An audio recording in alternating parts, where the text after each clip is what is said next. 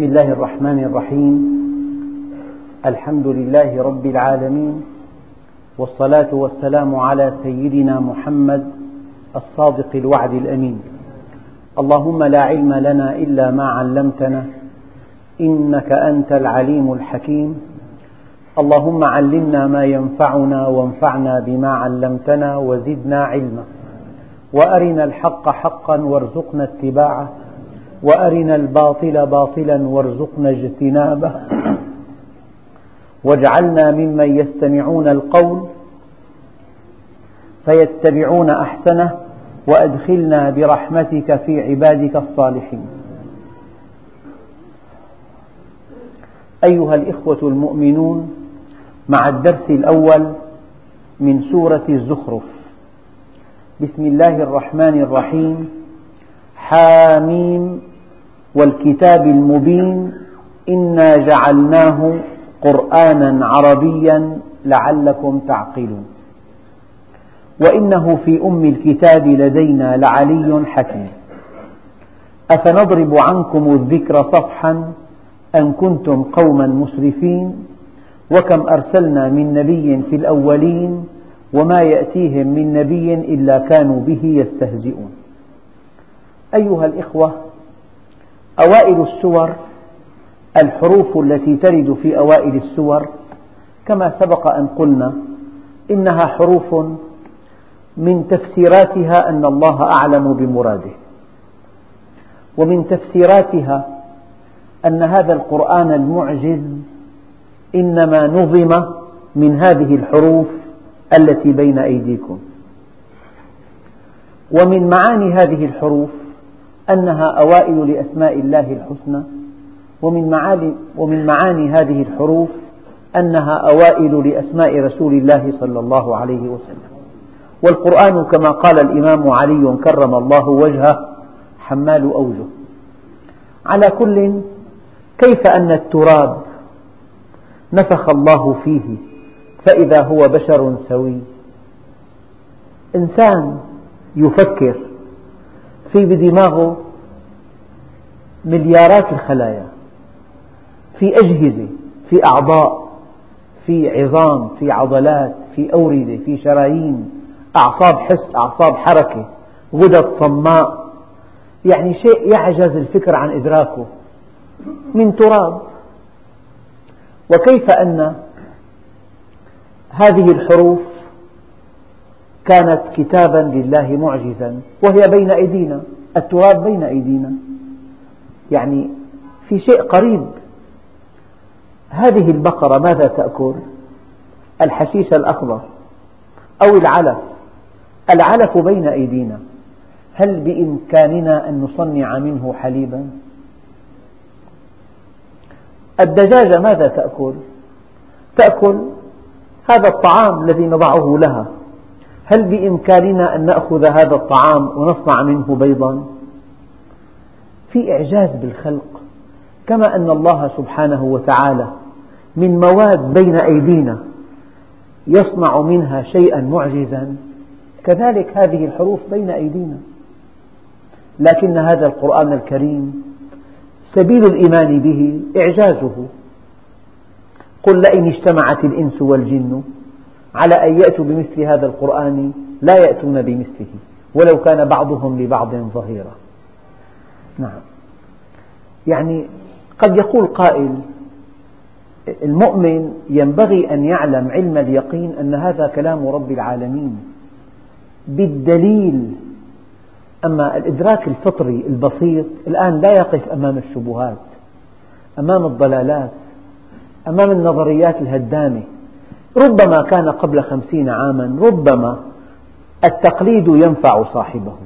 أما الآن قولا واحدا من كان إيمانه إيمانا تقليديا هذا التقليد لا ينفعه ولا يمنعه من أن ينحرف إلا أن يكون له إيمان تحقيقي دقيق مدعم بالدليل والبرهان.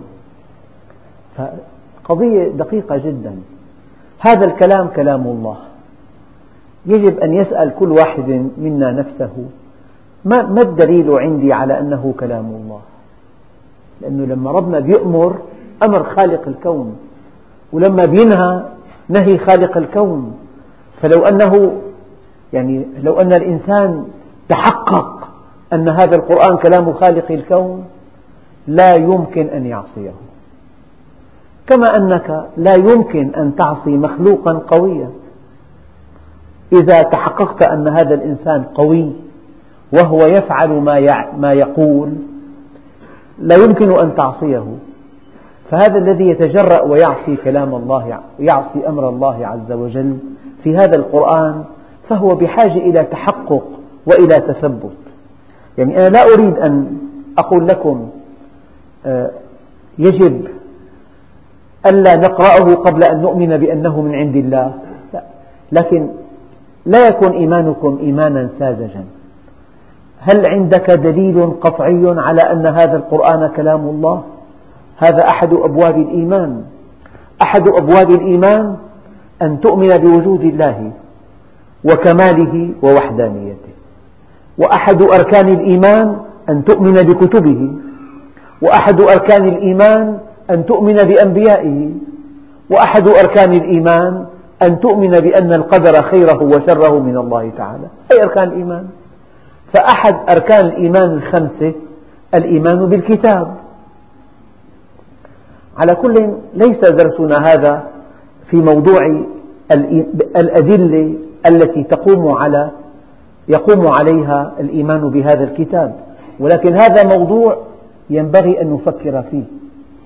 وإذا الإنسان وصل إلى دليل قطعي قطعي تخضع له النفس على أن هذا القرآن كلام الله فهو قد قطع شوطا في الإيمان. الإيمان حقائق مدعمة بالأدلة والبراهين وليس كلاما يلقى وليس قبولا يقبل من دون أدلة وبراهين. يعني مثلا من باب الأمثلة الله عز وجل يشهد لنا أن هذا القرآن كلامه. كيف؟ خذ آية من كتاب الله. من عمل صالحا من ذكر أو أنثى وهو مؤمن فلنحيينه حياة طيبة. لو أنه إنسان شاب استقام على أمر الله واصطلح معه وفعل ما أمر الله وانتهى عما عنه نهى وزجر وعاش حياة طيبة هذه الحياة الطيبة التي ذاقها وعاشها هي شهادة الله له أن هذا القرآن كلامه. يعني إذا كان دخلوا الطلاب إلى قاعة التدريس ورأوا على السبورة أنه قد كتب غدا الأحد الساعة الأولى مذاكرة في مادة الجبر. حينما دخلوا رأوا هذا الكلام على السبورة. يا ترى كلام الأستاذ يا ترى طالب يمزح معهم. ما الذي يؤكد أن هذا كلام الأستاذ؟ يوم الأحد الساعة 8 إذا دخل أستاذ الرياضيات وقال عندكم مذاكرة هيئوا الأوراق والأقلام وضعوا الكتب خارج المقاعد وسأملي عليكم الأسئلة. هذا الحدث يؤكد أن الكلام الذي كتب قبل يوم هو كلام الأستاذ. هذا أحد الأدلة على أن هذا كلام الله. ومن أعرض عن ذكري فإن له معيشة ضنكا. كل إنسان إذا كان يحيا حياة ضنك لأنه أعرض عن ذكر الله. هذه المعيشة الضنك هي شهادة الله له أن هذا القرآن كلامه. هذا دليل. هذا الدليل كما قال الله عز وجل بل كذبوا به ولما يأتهم تأويله. وتأويل القرآن وقوع وعده ووعيده. إتلاف مال المراد شهادة الله لعباده أن القرآن كلامه. الحياة الطيبة التي يحياها المؤمن شهادة الله لعباده أن القرآن كلامه. المعيشة الضنك التي يحياها الكافر شهادة الله للعباد أن هذا القرآن كلامه. آه، نمو مال الصدقة شهادة الله لعباده أن القرآن كلامه. المال إذا نمى وفي صدقة وفي إنفاق هذا دليل على أن القرآن كلام الله. لأن الله عز وجل قال يمحق الله الربا ويربي الصدقات فأية آية في القرآن الكريم؟ حينما تأتي الأحداث الكونية أو غير الكونية الكونية لتؤكدها هذه هذه هذا دليل على أن القرآن كلامه وما كان ربك ليهلك القرى بظلم وأهلها مصلحون. إن رأيت قرية انغمست في الرذيلة والفساد والانحطاط والعدوان ثم أهلكها الله بوباء أو بحرب أهلية أو بحرب كونية. أو بمشكلة أو بفيضان أو بزلزال أو بصاعقة. فهذا, فهذا الذي وقع دليل أن هذا القرآن كلام الله. يعني أنا أتمنى على كل أخ كريم أن يكون إيمانه بهذا الكتاب كإيمانه بوجوده. كيف قال ديكارت؟ أنا موجود إذا آه، أنا أفكر فأنا موجود. كذلك إيمان المؤمن بهذا القرآن إيمان كإيمانه بوجوده. وإذا الإنسان في عنده يعني الإيمان بالقرآن الكريم في عليه سؤال أو في تردد ليشمر وليبحث عن الحقيقة لأنه من جاهد في سبيل هذه الحقيقة وصل إليها. والذين جاهدوا فينا لنهدينهم سبلنا. وإن الله مع المحسنين. الإنسان ليس معقولا أن يتعامل مع أموره الدنيوية بحزم وبتدقيق وبحث ودرس واستنباط وتوقع. نشاط في الحياة الدنيا منضبط. أما أن يتعامل مع أمور الآخرة مع أمور الدين ابن عمر دينك دينك إنه لحمك ودمك. خذ عن الذين استقاموا ولا تأخذ عن الذين مالوا. أن يتعامل الإنسان مع أمور الدين ببساطة وعفوية من دون تدقيق من دون تحقيق. مستحيل هذا شيء غير معقول. مرة قال لي شخص كلمة قال لي ما ذنب الإنسان لو التقى صدفة بعالم متساهل في موضوع ما؟ وسألناه في, في هذا الموضوع فأفتى بتساهل. فبرأته بتصير قلت لا بتم برأتك قال كيف؟ قلت له أنت لو عندك بيت وأردت أن تبيعه. وفي اليوم الذي أردت أن تبيع هذا البيت التقيت صدفة بدلال. قال لك تسوى مليونين. هل تبيعه هذا البيت على أول كلمة؟ لماذا في أمر البيت تسأل دلال واثنين وثلاثة وأربعة وخمسة؟ وتسأل أصدقائك والجيران وتعمل حالك ممثل بدك تشتري بيت بنفس المساحة بنفس المنطقة. شو بيسوى؟ ليش؟ بأمور بيع البيت تأخذ احتياطات وتتأكد تطلب التواتر وتطلب الحل الوسط. كما أن إذا كان آخرتك غالية عليك ابن عمر دينك دينك إنه لحمك ودمك خذ عن الذين استقاموا ولا تأخذ عن الذين مالوا. إذا ربنا سبحانه وتعالى يقسم بالكتاب المبين. وكما تعلمون أن الله يقسم أو لا يقسم؟ يقول أحيانا والشمس وضحاها ويقول أحيانا فلا أقسم بمواقع النجوم. فإذا أقسم فليلفت نظرنا إلى عظمة هذا الشيء. بالنسبة إلينا لا بالنسبة إليه. وإذا لم يقسم فليلفت النظر إلى أن هذا الشيء بالنسبة إلى الله لا شيء. وبعضهم قال أنه إذا قال فلا أقسم لها معنى آخر بمعنى أن هذا الشيء لنصاعته ووضوحه وثبوته لا يحتاج إلى قسم. يقول لك أيام الإنسان هذه القضية لا تحتاج إلى نقاش. يعني واضحة في الشمس رب ربنا عز وجل هنا يقول والكتاب المبين. يعني لما ربنا عز وجل خلق الإنسان أعطاه منهج منهج مكتوب والكتابة للثبات والديمومة.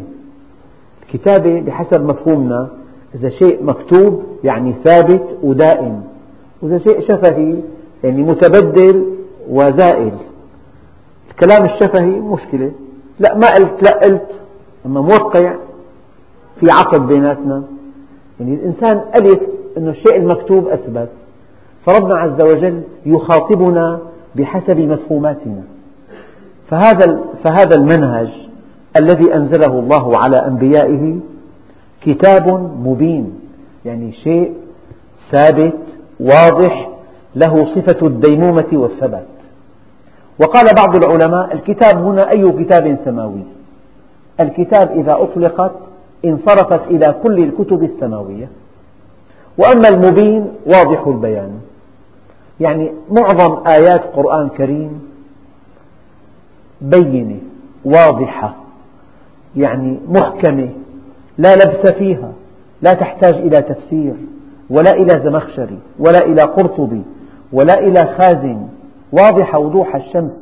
لكن بعض الآيات المتعلقة بالذات الإلهية هذه آيات قال تعالى فاسألوا أهل الذكر إن كنتم لا تعلمون.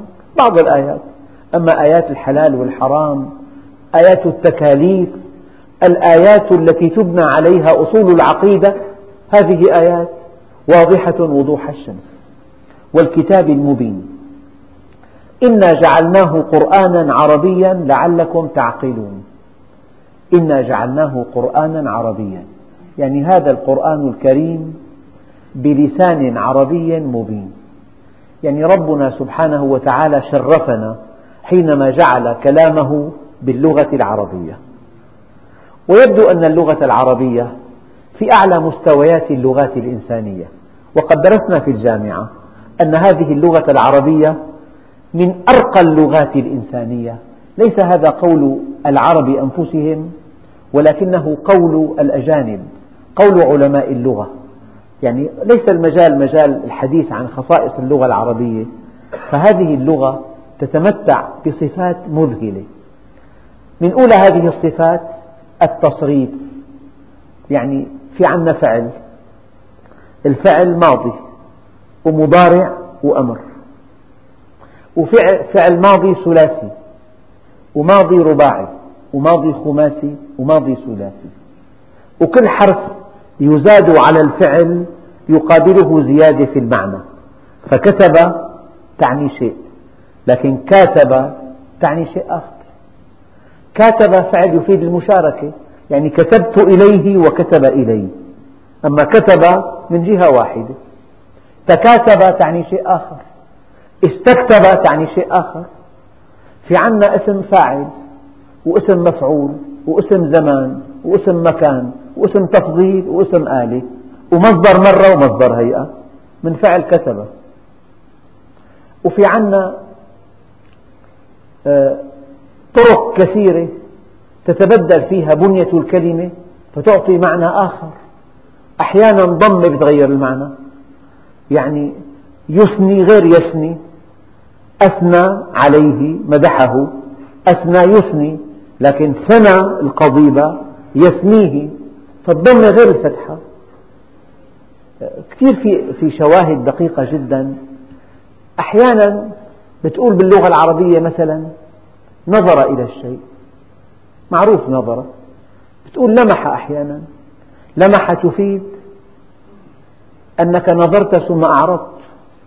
لو أنه إنسان باب مفتوح ومن خلفه امرأة المؤمن لمحها بمعنى أنه بمجرد أن عرف أن هناك امرأة غض بصره عنها هذا معنى لمح. لكن معنى لاح شيء ظهر واختفى. التبدل في لمح من الناظر أما التبدل في لاح من المنظور. في عنا حدج قال عليه الصلاة والسلام حدث القوم ما حدجوك بأبصارهم. النظر مع المحبة. في عنا شخص شخص النظر مع الخوف. فإذا هي شاخصة أبصار الذين كفروا. في عنا رنا النظر مع السرور. واحد نظر لمنظر طبيعي. شيء جميل. سهل أخضر وراءه جبل مسنن. آه، الجو لطيف. تقول رنوت إلى المنظر. رنا غير حدج غير لاح غير لمح في حملقة يعني ظهر حملاق عينه الأحمر. وفي بحلقة اتسعت حدقة العين. وفي استشرف تمطى مع النظر. وفي استشف حرك يديه مع النظر. وفي نظر شزرا مع الاحتقار. في خمسين فعل للنظر باللغة العربية. اللغة العربية كما يقول علماء اللغة واسعة, واسعة التعبير. يعني ممكن تعبر عن أدق أدق المعاني. هلأ لما قال لما الله عز وجل قال وما تلك بيمينك يا موسى؟ قال هي عصاي أتوكأ عليها وأهش بها على غنمي. لو أنه بدلنا كلمة أهش بأضرب ما ما بصير. ضرب غير هشة. لوح غير هشة. هشة وضع العصا على كتف الدابة من دون أن يؤلمها. أهش بها على غنمي معنى دقيق جدا. طبعا ليس هناك مجال. هذا علم قائم بذاته اسمه فقه اللغة العربية. هذه المو... هذا الموضوع يتحدث عن خصائص اللغة العربية في التعبير. حتى في عندنا خصائص دقيقة جدا. هو أن الفعل الثلاثي مثل علم مثلا له ست تقاليد علم لمع ملع. كل التقاليد لا بد من أن نلمح فيها معنى واحدا قاسما مشتركا بين كل التقاليد. هذا يترك للاختصاصيين في اللغة العربية. الإعراب ظاهرة الإعراب في اللغة ظاهرة الاشتقاق الثبات ثبات اللغة العربية في التعبير. يعني هل تصدقون أي أي لغة أجنبية. الأدب الإنجليزي الذي كتبه شكسبير في القرن السادس عشر لا يمكن أن يقرأ اليوم أبدا إلا مترجما. من اللغة الإنجليزية إلى اللغة الإنجليزية. معنى أن هذه اللغة متبدلة سريعة التبدل. بينما العربية طلابنا في الصف العاشر يقرؤون شعر امرئ القيس الذي قيل قبل 1500 عام. ما كتبه أدباء الإنجليزية في القرن السادس عشر لا يمكن أن يقرأ اليوم إلا مترجما. من اللغة الإنجليزية إلى اللغة الإنجليزية. لكن ما كتبه شعراؤنا في الجاهلية يقرأه طلابنا في صفوف العواشر. ألا أيها الليل الطويل ألا انجلي بصبح وما الإصباح منك بأمسل فيا لك من ليل كأن نجومه بكل مغار الفتل شدت ليزبل هذا شعر قبل 1500 عام. ثبات العربية في التعبير اتساعها في التعبير ظاهرة الإعراب يعني حركة واحدة. إنما يخشى الله من عباده العلماء. هذه الفتحة معناها مفعول به مقدم. انتهى الأمر. على كل أحيانا كلمة واحدة. مثلا حسب يعني عد. طيب حسب كثرة ظن. طيب حسب قال لك أنا ابن فلان افتخر بحسبه. طيب حسبك اكتفي. الفتحة لها معنى حسب عد. حسب ظن. حسب افتخر بحسبه. حسبك اكتفي. طيب قدم سبقه بقدمه. قدم أصبح قديما. قدم حضر.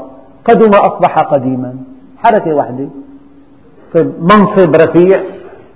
كسرة. منصب. اختلف الوضع. اختلاف كبير بين منصب ومنصب.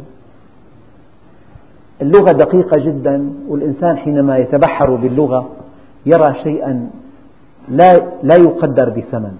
ربنا عز وجل شرفنا حيث جعل كلامه باللغة العربية. لكن ماذا يستنبط من كلمة إنا جعلناه قرآنا عربيا؟ يستنبط أن هذا القرآن لا يفهم إلا وفق قواعد اللغة. يعني إتقان قواعد اللغة وإتقان مدلولات الكلمات وإتقان أساليب العرب في التعبير شرط أساسي لا أقول شرط كاف شرط لازم غير كاف لفهم النصوص القرآنية. إنا جعلناه قرآنا عربيا لعلكم تعقلون. شيء آخر. إذا لا يجوز أن نفهم كلام الله عز وجل الذي أنزله بلسان عربي مبين إلا وفق قواعد هذا اللسان العربي المبين. هي واحدة. الحكم الشرعي الثاني أنه لا يمكن أن نأتي نحن بفهم جديد لكتاب الله وقد قرأ كتاب الله خمسة عشر جيلا قبلنا وفهمه على نحو واضح صريح. يعني كل نظرية تبني تفسير القرآن على أشياء لم تعهد عند الصحابة والتابعين وتابعي التابعين فهذا فهم خاطئ لأن هذه اللغة فهم سمع هذا القرآن الكريم آه، أجدادنا في العصور الأول وهم خير من يفهم اللغة وفهموها على نحو. أما أن نأتي نحن نقول قراءة معاصرة ونفهم كلام الله على نحو لم يفهمه أحد من قبل هذا الفهم هذا ابتلاع شيطاني لا علاقة له بأصل اللغة. إنا جعلناه قرآنا عربيا لعلكم تعقلون. يعني الأمور ميسرة. القرآن واضح معه أدلة معه تعليلات في آيات كونية في آيات تكوينية في آيات آه، في تشريعية في آيات تاريخية في آيات علمية. نعم. لعلكم تعقلون. وإنه في أم الكتاب لدينا لعلي حكيم. أم الكتاب أيها الإخوة. بعضهم قال اللوح المحفوظ. وقد تكون أم الكتاب. يعني هذه المبادئ الأساسية التي صدر عنها هذا الكتاب. أحيانا في عشرات المراسيم التشريعية. لكن كل هذه المراسيم التشريعية إنما تنطلق من مادة واحدة في الدستور. أن التعليم حق لكل مواطن مثلا. من حق المواطن الحرية. ففي بالدستور مبادئ أساسية. وهذه المبادئ الأساسية تترجم إلى عشرات بل مئات القوانين التشريعية. فهذا القرآن على ما فيه من سور وآيات هو في النهاية يصدر عن مبادئ أساسية الله سبحانه وتعالى اعتمدها لتكون علة الخلق وغاية الخلق. وإنه في أم الكتاب لدينا لعلي حكيم. يعني القرآن علي لا يعلو عليه شيء. يعني إذا الإنسان في حياته الدنيا وفق إلى قراءة القرآن إلى تلاوته حق التلاوة وإلى فهمه حق الفهم وإلى العمل به ما فاته شيء في الحياة الدنيا. يعني أعلى أنواع العلم أن تفهم كلام الله. لأن فضل كلام الله على كلام خلقه كفضل الله على خلقه. كم هي المسافة بين الخالق والمخلوق؟ هي نفسها بين كلام الخلق وكلام الخالق. فالذي يمضي وقته في قراءة قصة لكاتب قصصي أو قراءة مسرحية أو قراءة مقالة ما في مانع اقرأ لكن أن تنصرف إلى قراءة ما كتبه البشر وتعرض عن قراءة كلام خالق البشر والله خسارة كبيرة جدا. أن تنصرف إلى قراءة ما كتبه البشر وهم ضعاف يتناقضون أحيانا.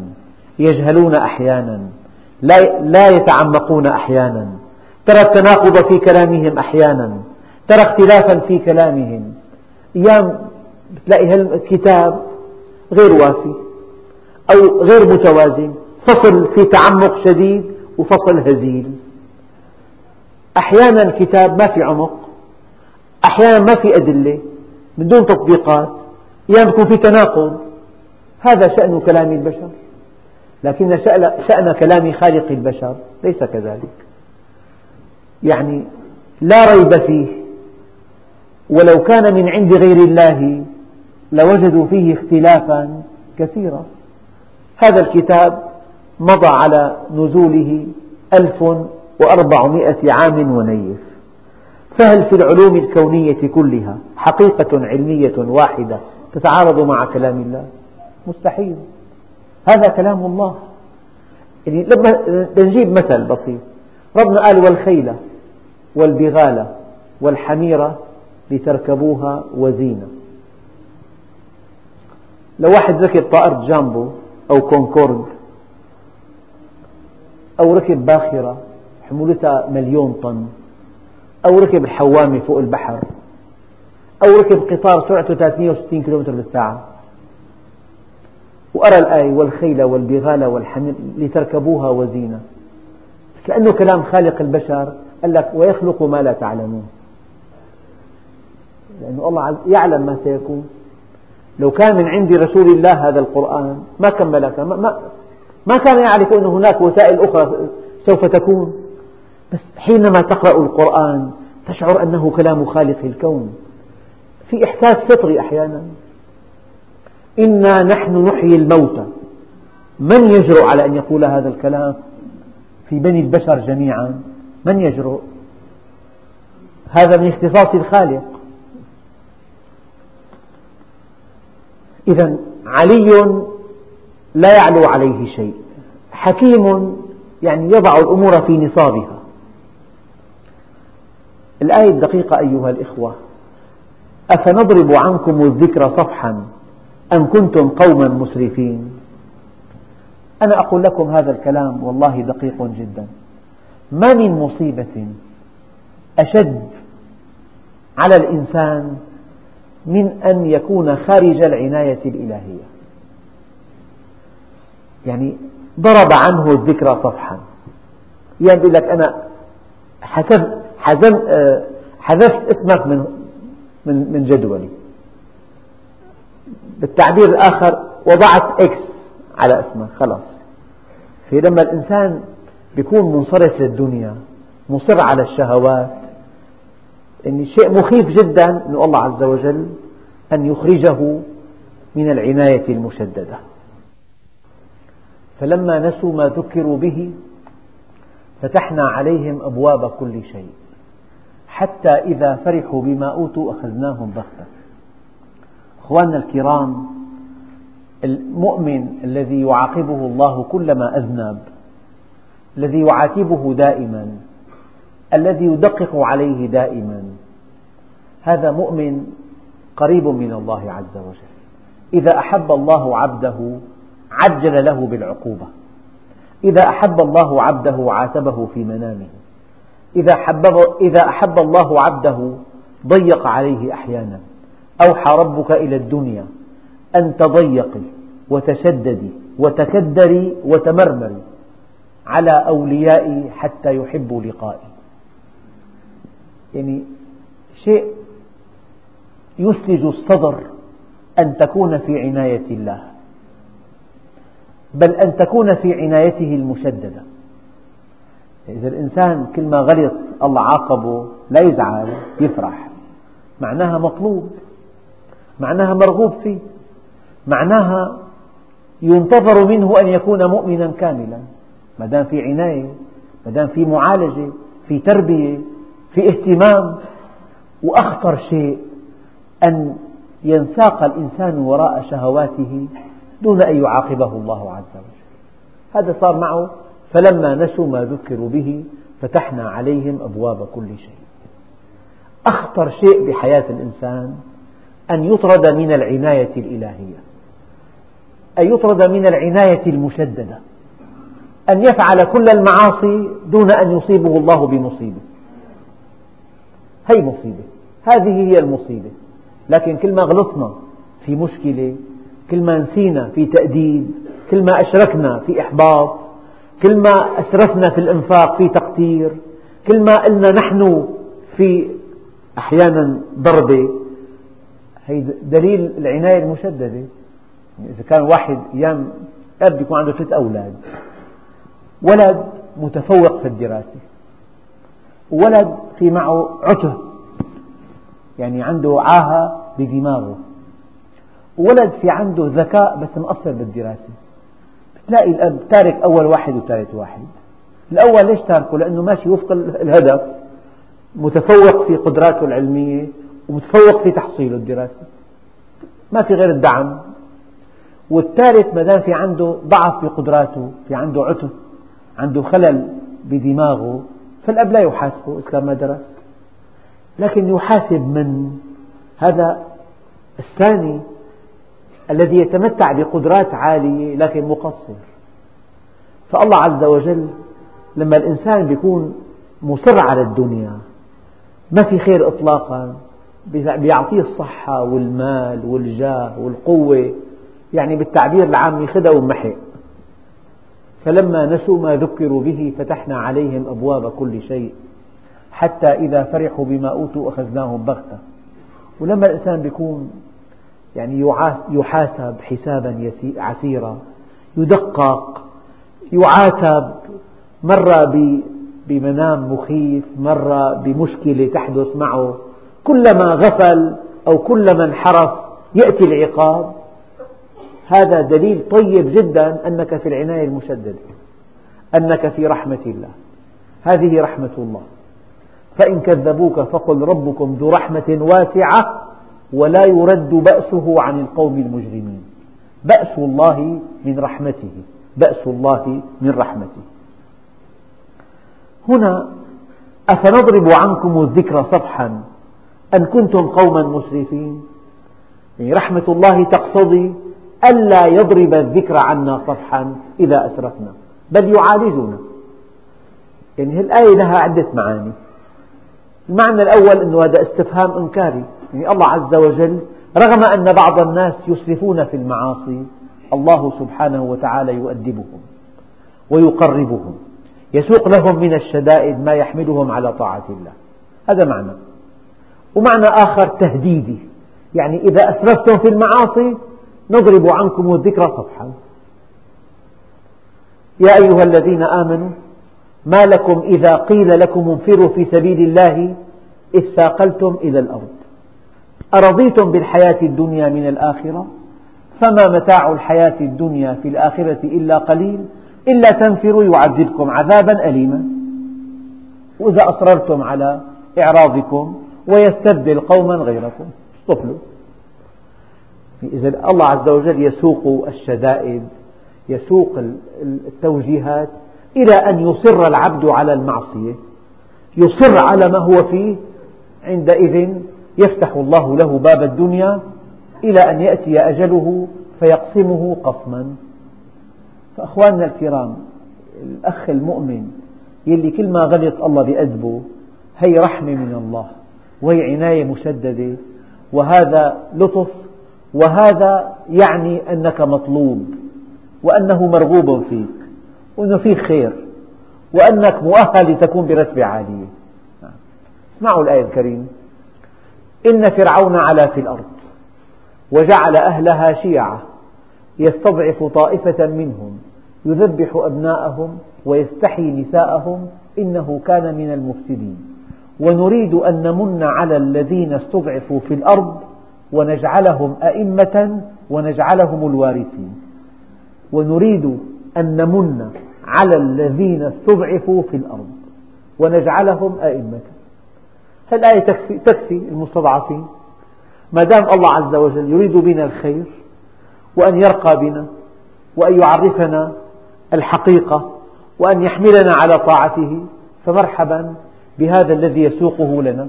لكن الأكمل أن نسير إلى الله من دون سلاسل. عجب ربكم من قوم يساقون إلى الجنة بالسلاسل.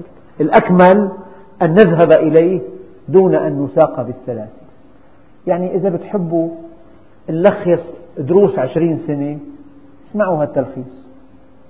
إما أن تأتيه مسرعا أو أن الله سبحانه وتعالى يجلبك راكضا يقدر يا بتجي لحالك ركض يا بيجيبك ركض والأكمل أن تأتي من عندك في مبادرة منك مختارا لا مقهورا. فهي الآية لها معنيان. يعني ولو كنتم قوما مسرفين رحمتنا تقتضي ألا نخرجكم من عنايتنا المشددة أفنضرب عنكم الذكر صفحا استفهام إنكاري أن كنتم قوما مسرفين؟ المعنى الثاني إذا أسرفتم في المعاصي نضرب عنكم الذكر صفحا تهديد. يعني يا استفهام إنكاري يا تهديد. نعم. وكم أرسلنا من نبي في الأولين؟ وكم هي كم التكثيرية يعني أرسل أرسلنا أنبياء كثيرين. وكم أرسلنا؟ يعني بتقول كم كتاب عندي؟ وقد تقول كم كتابا عندك؟ كم كتابا عندك استفهامية لكن كم كتاب عندي؟ هي اسمها خبرية أو تكثيرية هي كم تكثيرية وكم أرسلنا من نبي في الأولين؟ وما يأتيهم من نبي إلا كانوا به يستهزئون. وما يأتيهم من نبي إلا كانوا به يستهزئون. فأهلكنا أشد منهم بطشا ومضى مثل الأولين. معنى ذلك أنه بالنهاية الإنسان لو كذب لو استهزأ لا بد من أن يعترف بالحق لكن بعد فوات الأوان هذه الحقيقة أقولها كثيرا لكنها خطيرة جدا. خيارك مع الإيمان ليس خيار قبول أو رفض. هلأ الكأس أمامي أنا أشرب أو لا أشرب؟ هذا اسمه خيار قبول أو رفض. لكن خياري مع الوقت ليس خيار قبول أو رفض الوقت يمشي شئت أم أبيت. بعد حين يؤذن العشاء. فأنا خياري مع الوقت خيار انتظار بس. أما خياري مع هذا الكأس خيار شرب أو عدم شرب. خيار المؤمن أو خيار الإنسان مع الإيمان خيار وقت فقط. يعني إما أن يؤمن في الوقت المناسب فيستفيد من إيمانه أشد الاستفادة ويسعد في الدنيا والآخرة. وإما أن لا يؤمن يؤمن عند الموت لكن هذا الإيمان لا قيمة له ولا ينفعه إطلاقا. هذا بعد فوات الأوان. فهذه الكلمة الفكرة أخطر فكرة آه، يمكن أن تحرك الإنسان نحو الله عز وجل. أنه أنا فرعون ما من إنسان أشد كفرا من فرعون. يكفيه أنه قال أنا ربكم الأعلى. ومع ذلك حينما أدركه الغرق ماذا قال؟ آمنت بالذي آمنت به بنو إسرائيل. في كثير آيات في المعنى. آمنت أنه لا إله إلا الذي آمنت به بنو إسرائيل. وحد الزلمة إمتى وحد وهو يغرق. إذا فرعون نفسه خياره مع الإيمان خيار قبول أو رفض؟ لا. خيار وقت ما آمن حين دعي إلى الإيمان آمن حينما أدركه الغرق. فنحن إن لم نؤمن لا بد من أن نؤمن. لكن إن آمنا الآن نكسب الدنيا والآخرة. وإن أخرنا الإيمان إلى حين الأجل نخسر الدنيا والآخرة. إما أن تربح الدنيا والآخرة معا وإما أن تخسرهما معا. هو الفرق بين أن تؤمن في الوقت المناسب أو أن تؤمن في الوقت غير المناسب. وما يأتيهم من نبي إلا كانوا به يستهزئون فأهلكنا أشد منهم بطشا ومضى مثل الأولين. وربنا عز وجل شاءت حكمته أن يترك هؤلاء الأقوام العتاة الطغاة الأقوياء آثار وآثار تشهد لهم بقوتهم. يعني في عنا مهندس بيقدر يفتح نافذة في بناء تدخلها الشمس في العام كله مرة واحدة يوما واحدا. هو يوم ميلاد, ميلاد هذا الإنسان. ممكن تعمل نافذة ضيقة بزوايا معينة بحيث تدخلها الشمس في العام كله مرة واحدة. والله شيء مزعج. طبعا سهل جدا تعمل نافذة مترين مثل التمثال وجرار ألمنيوم انتهى الأمر هي نافذة. أما نافذة تدخلها الشمس في العام كله يوم واحد. صار تاريخ هذا. إذا واحد ذهب للأهرامات وشاف. يعني كل حجر تقريبا طوله خمس أمتار ست أمتار ثمان أمتار. عرضه أربع أمتار. ارتفاعه مترين. هذا جاي من صعيد مصر. على أي مركبات ركب. حتى نقول من النيل إلى منطقة الهرم في مسافة كبيرة جدا في حوالي 12 كيلومتر. طيب كيف نقل هذا الحجر؟ ثم كيف وضع في قمة الهرم الأهرام من عجائب الدنيا السبع. الأنباط بيوت الأنباط, الأنباط في الجبال من عجائب الدنيا السبع. هؤلاء أقوام يعني نحن شفنا دخلنا إلى المتحف الفرعوني. الخبز الذي كانوا يأكلونه قبل سبعة آلاف عام. رأيناه بأم أعيننا. اللحم الذي كانوا يأكلونه قبل سبعة آلاف عام. موجود محنط. بعض القبور قبر توت عنخ آمون. يعني شيء لا يصدق لا يصدق. كل شيء يحتاجه هذا الإنسان في القبر موجود مركبات مركبات أطعمة لحوم ألبسة مذهبات. شيء لا يصدق. أقوام لهم حضارات. نحن كل حضارتنا اسمنت اسمنت مسلح. تجبر الجبلة بتحطها بتصير بناية. أما حجر قلعة بعلبك هي الأعمدة الستة. عمود واحد قطعة حجر واحدة. كيف نحتت؟ كيف قطعت؟ ولقد وكم أرسلنا من نبي في الأولين وما يأتيهم من نبي إلا كانوا به يستهزئون فأهلكنا أشد منهم بطشا ومضى مثل الأولين. إذا الإنسان قرأ التاريخ أو شاهد الآثار يعني في حقائق ناصعة تؤكد أن هؤلاء الأقوام كانوا أشد منا قوة وأكثر بطشا ومع ذلك أهلكهم الله. الله قال فجعلناهم أحاديث. فجعلناهم أحاديث. يعني دخلنا في في آثار الأنباط قاعة يعني لا تقل عن حجم هذا المسجد منحوتة بالجبل الصخري بأبعاد هندسية دقيقة جدا يعني مكعب كامل. مو بناء نحت من الجبل منحوت. الأعمدة منحوتة من الجبل التيجان منحوتة من الجبل. البيوت الحمامات كلها في الجبل. وبيوت منحوتة في الجبل ولها نوافذ تهوية وغرف عديدة. ما في بناء إطلاقا. جبل منحوت وتنحتون من الجبال بيوتا فارهين. الأهرامات دليل آه، عاد وثمود دليل وكم أهلكنا آه، فأهلكنا أشد منهم بطشا ومضى مثل الأولين. المشكلة أن هؤلاء الذين بطش الله بهم وأهلكهم ودمرهم لو سألتهم ولئن سألتهم من خلق السماوات والأرض؟ ليقولن خلقهن العزيز العليم. الاعتراف بوجود الله يكفي؟ لا لا يكفي. الاعتراف بوجود الله لا يكفي ولا ينجي. لا بد من أن تلتزم منهج الله عز وجل. هذا اسمه إيمان إبليسي. إبليس قال له ربي فبعزتك لأغوينهم أجمعين. إبليس اعترف بوجود الله واعترف بعزته. واعترف بربوبيته.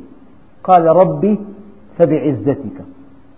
إذا الاعتراف بوجود الله لا ينجي من هلاك الدنيا وعذاب الآخرة. الذي ينجي من هلاك الدنيا وعذاب الآخرة أن تستقيم على أمره أن تلتزم الأمر والنهي. ليس الولي الذي يطير في الهواء ولا الذي يمشي على وجه الماء ولكن الولي كل الولي الذي تجده عند الأمر والنهي.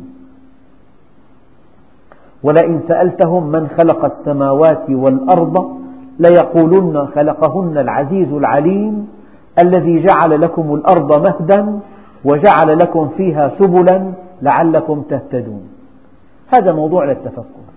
كيف الله عز وجل جعل هذه الأرض ممهدة لحياتنا؟ أولا جعلها منبسطة. يعني إذا كان أرض كالجدران جدران مائلة من الصخور كيف نتحرك عليها؟ وكيف نبني عليها البيوت؟ جعلها مسطحة. وجعلها ذات تربة هشة.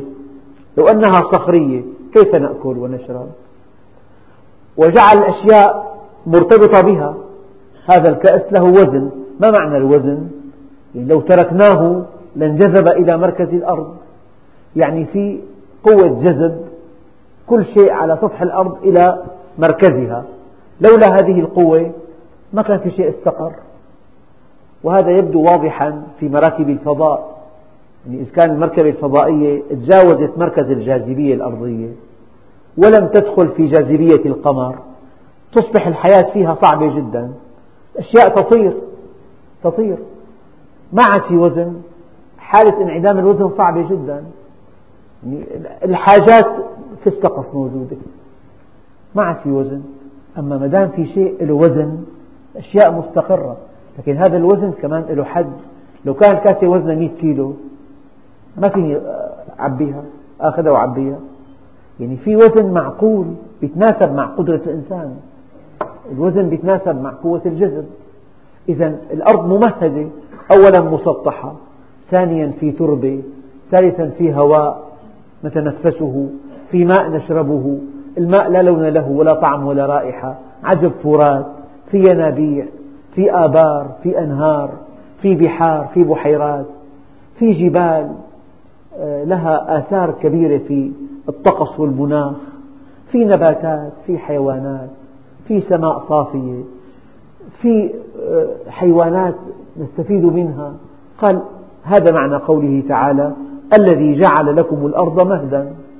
ممهدة مهيئة تحتاج إلى آلة حادة في معادن في معادن رخيصة كالحديد في معادن غالية كالنقود كالذهب والفضة في معادن لينة كالرصاص سريعة الانصهار في معادن بطيئة الانصهار لها استعمال آخر في أشباه معادن في فلزات. الحديد كان بشكل فلزات كي يسهل استخراجه. هذا هذا كله تحت قوله تعالى الذي جعل لكم الأرض مهدا وجعل لكم فيها سبلا. في وسائل لكسب الرزق في ممرات في وديان في قانون أرخميدس إذا كان وضعنا جسم بالماء يطفو على سطح الماء بقدر قوة الماء المزاحة وزن الماء المزاح في قوة دفع نحو الأعلى. إذا لولا أن الماء يتحلى بهذه الخاصة لما أمكننا السفر عبر البحار والمحيطات ونقل البضائع. إذا في سبل ممكن نزرع وناكل ممكن نصيد السمك ممكن نبني البيوت في مواد أولية للبناء في مواد نكتسي بها نلبسها. يعني سبل للكساء سبل للغذاء سبل للبناء سبل لكسب الرزق. سبل زراعية سبل صناعية سبل تجارية آه، بحار بلاد شعوب أنهار. هذا معنى قوله تعالى وجعل لكم فيها سبلا. يعني طرق. إما طرق تعبرونها أو طرق تكسبون فيها العيش. لعلكم تهتدون. والذي نزل من السماء ماء بقدر فأنشرنا به بلدة ميتة كذلك تخرجون. تلاقي الأرض في الشتاء قاحلة الأشجار يابسة المنظر مكفهر تأتي الأمطار الوفيرة. هذه الأرض تهتز وتنبت النبات الأخضر. الأشجار تزهر وتورق وتثمر كانت حطب أصبحت أشجار مثمرة فيها تفاح فيها كمثرى فيها آه، فواكه تلذ لها تطيب بها النفوس. إذا والذي نزل من السماء ماء بقدر فأنشرنا به بلدة ميتا كذلك تخرجون. يعني الشتاء الله جعله موت مؤقت. التربة قاحلة الشجر يابس والشجر ينام في الشتاء. يصبح حطب, تماما. يعني يأتي الربيع يسري فيه هذا النسغ الشجرة أصبحت كالعروس. ترتدي حلة قشيبة بيضاء ثم تصبح مخضرة ثم تحمل الثمار. ذات الألوان الزاهية والطعوم الطيبة. من, من خلق هذا؟ هي آيات صارخة لكن الإنسان الغافل لا يراها لا يراها. والله هناك آيات في النبات تكفي كي يركع الإنسان لله عز وجل. في آيات بخلق الإنسان تكفي. في آيات في طعامه في شرابه في أولاده في الحيوانات التي حوله في النباتات التي يعيش منها في كل شيء. والذي خلق الأزواج كلها وجعل لكم من الفلك والأنعام ما تركبون. يعني تلاقي الدابة. تستعين بها في الحرث وتركبها وتأكل من لحمها. أيها الإخوة الكرام مرة ثانية أذكركم بأن القرآن الكريم أحيانا يذكر بعض الآيات الكونية. هذه الآيات يمكن أن تكون موضوعات للتفكر فيها. علينا أن نفصل فيها. يعني والذي نزل من السماء ماء بقدر. فأنشرناه فأنشرنا به بلدة ميتا كذلك تخرجون. ظاهرة الماء. هذا من أضخم الموضوعات للتفكر. والذي خلق الأزواج كلها. نظام الزوجية في الخلق. وجعل لكم من الفلك والأنعام ما تركبون. كيف أن الماء يحمل هذه السفن؟ هذا موضوع. وكيف أن هذه الحيوانات التي سخرها الله لنا نركبها وننتفع بها ونأكل من لحمها.